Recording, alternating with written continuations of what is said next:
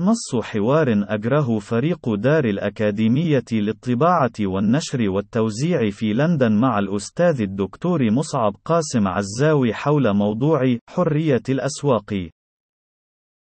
فريق دار الأكاديمية، هل تعتقد بوجود أي تحقق فعلي على المستوى العالمي أو المحلي في أي بلد لما ينادي به وعاظ الاقتصاد الغربي من تحرير وحرية للأسواق؟ مصعب قاسم عزاوي من الناحية النظرية فإن مبدأ حرية الأسواق قد يكون صحيحا ومفيدا في حال تم السير في نهجه الذي اختطه المنظر الأول لاقتصاد الرأسمالية بشكله الكلاسيكي. وأعني هنا آدم سميث في كتابه المرجعي ثروة الأمم الذي صدر في العام 1776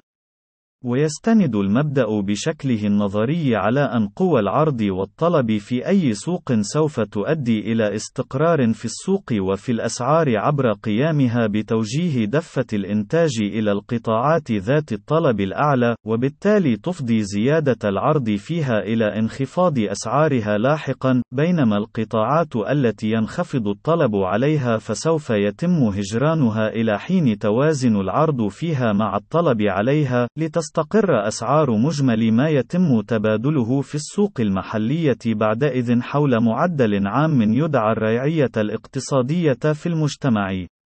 وجميع ذلك لا بد أن يحدث من وجهة نظر المنظر السالف الذكر بشكل عفوي ودون الحاجة لأي تدخل خارجي في الآلية الداخلية لعمل السوق وقوى العرض والطلب، وهو ما سوف يؤدي إلى انتعاش اقتصادي لاحق جراء حركية الاقتصاد الداخلية، كما لو أن هناك يدا خفية وفق التعبير الحرفي للمنظر نفسه، وهو التعبير الذي أصبح تعبيرا مقدسا لدى وعاظ الرأسمالية المعاصرين، تسهر فيه تلك اليد الخفية على ضبط وتنمية الاقتصاد وسوقه المحلي بناظم داخلي مضمر ينبع فقط من ترك الحرية المطلقة له في تنظيم نفسه وفق قوانين العرض والطلب.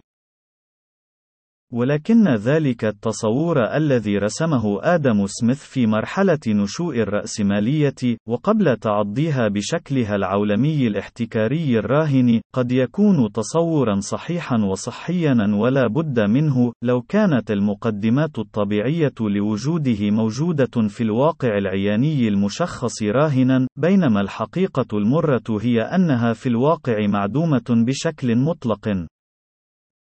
ولتلمس ذلك الانعدام الكلياني يكفي فقط النظر إلى الواقع الاحتكاري للاقتصاد العالمي الراهن، والذي يقوم على احتكار الغالبية المطلقة من جل الإنتاج العالمي والثروات المالية المتراكمة جراءه في يد حفنة صغيرة من كبرى الشركات العابرة للقارات، تقوم بتحريك ونقل إنتاجها عبر الحدود، بما يتناسب حصرا مع أهدافها في تحقيق الربح الربح السريع، والتي لا بد أن تتضمن مخالفة لاشتراطات حرية السوق عبر تغولها عليه، من خلال تلاعبها الاحتكاري بموازين العرض والطلب، بالاستناد إلى حصتها الهائلة من الإنتاج والثروة.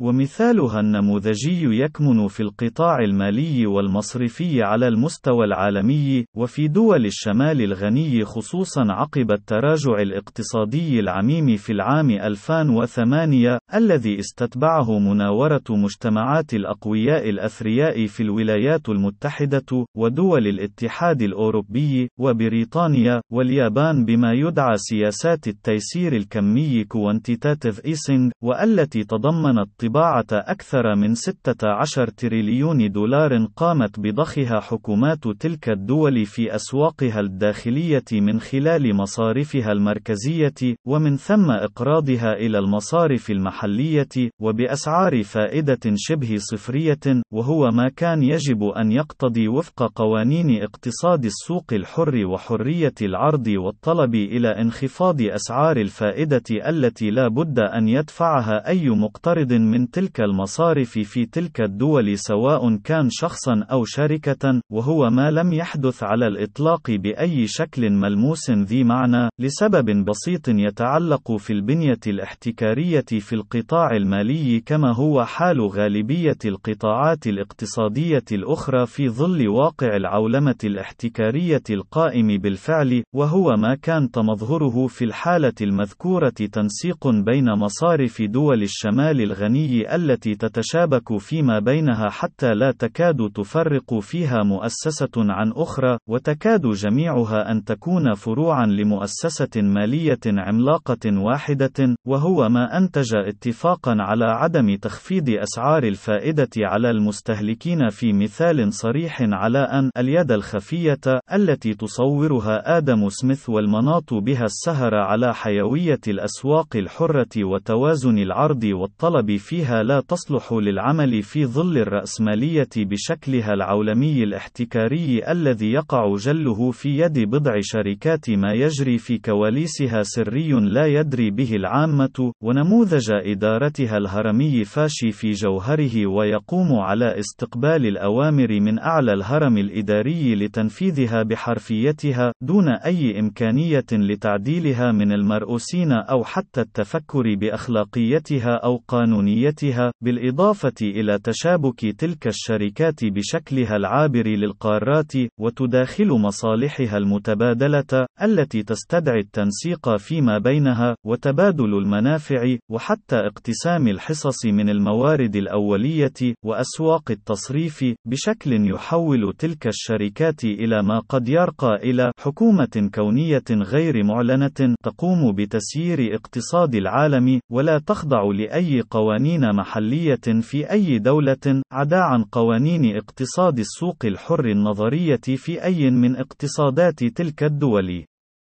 والمثال النموذجي الآخر على تلك الشركات الاحتكارية العملاقة هو المؤسسات التقنية الكبرى العابرة للقارات من قبيل شركات آبل وجوجل وفيسبوك وأمازون، والتي تحتكر الغالبية شبه المطلقة من الإنتاج والتبادل والتوزيع في حقل ما تنتجه أو تسوقه، وتقوم بتحديد الشروط لتسعير منتجاتها بالشكل الذي تراه ملائما لنفسها، بعد أن غير غيب احتكارها الكلياني أي فرصة نظرية لأي منافس آخر ليقوم بعرض ما تنتجه في السوق، وهو ما يلغي أي إمكانية لفعل قوانين العرض والطلب في ظل ذلك الاحتكار المطلق، الذي يتغول ليس فقط على المستهلكين وإنما على الدول وقوانينها، مفصحا عن وجهه القبيح في تبجح تلك الشركات بعدم وجود وطن لها، وهو ما ينتج الحقيقة الطريقة المرة بعدم دفع أي من تلك الشركات أي ضرائب فعلية عن أرباحها الخيالية في أي دولة بشكل ذي معنى، وهو ما يزيد معاناة البشر والشركات الصغرى في مجتمعات بأكملها لا بد لها ليس فقط مكابدة طغيان تلك الشركات العابرة للقارات فقط، وإنما تحمل الأعباء الضريبية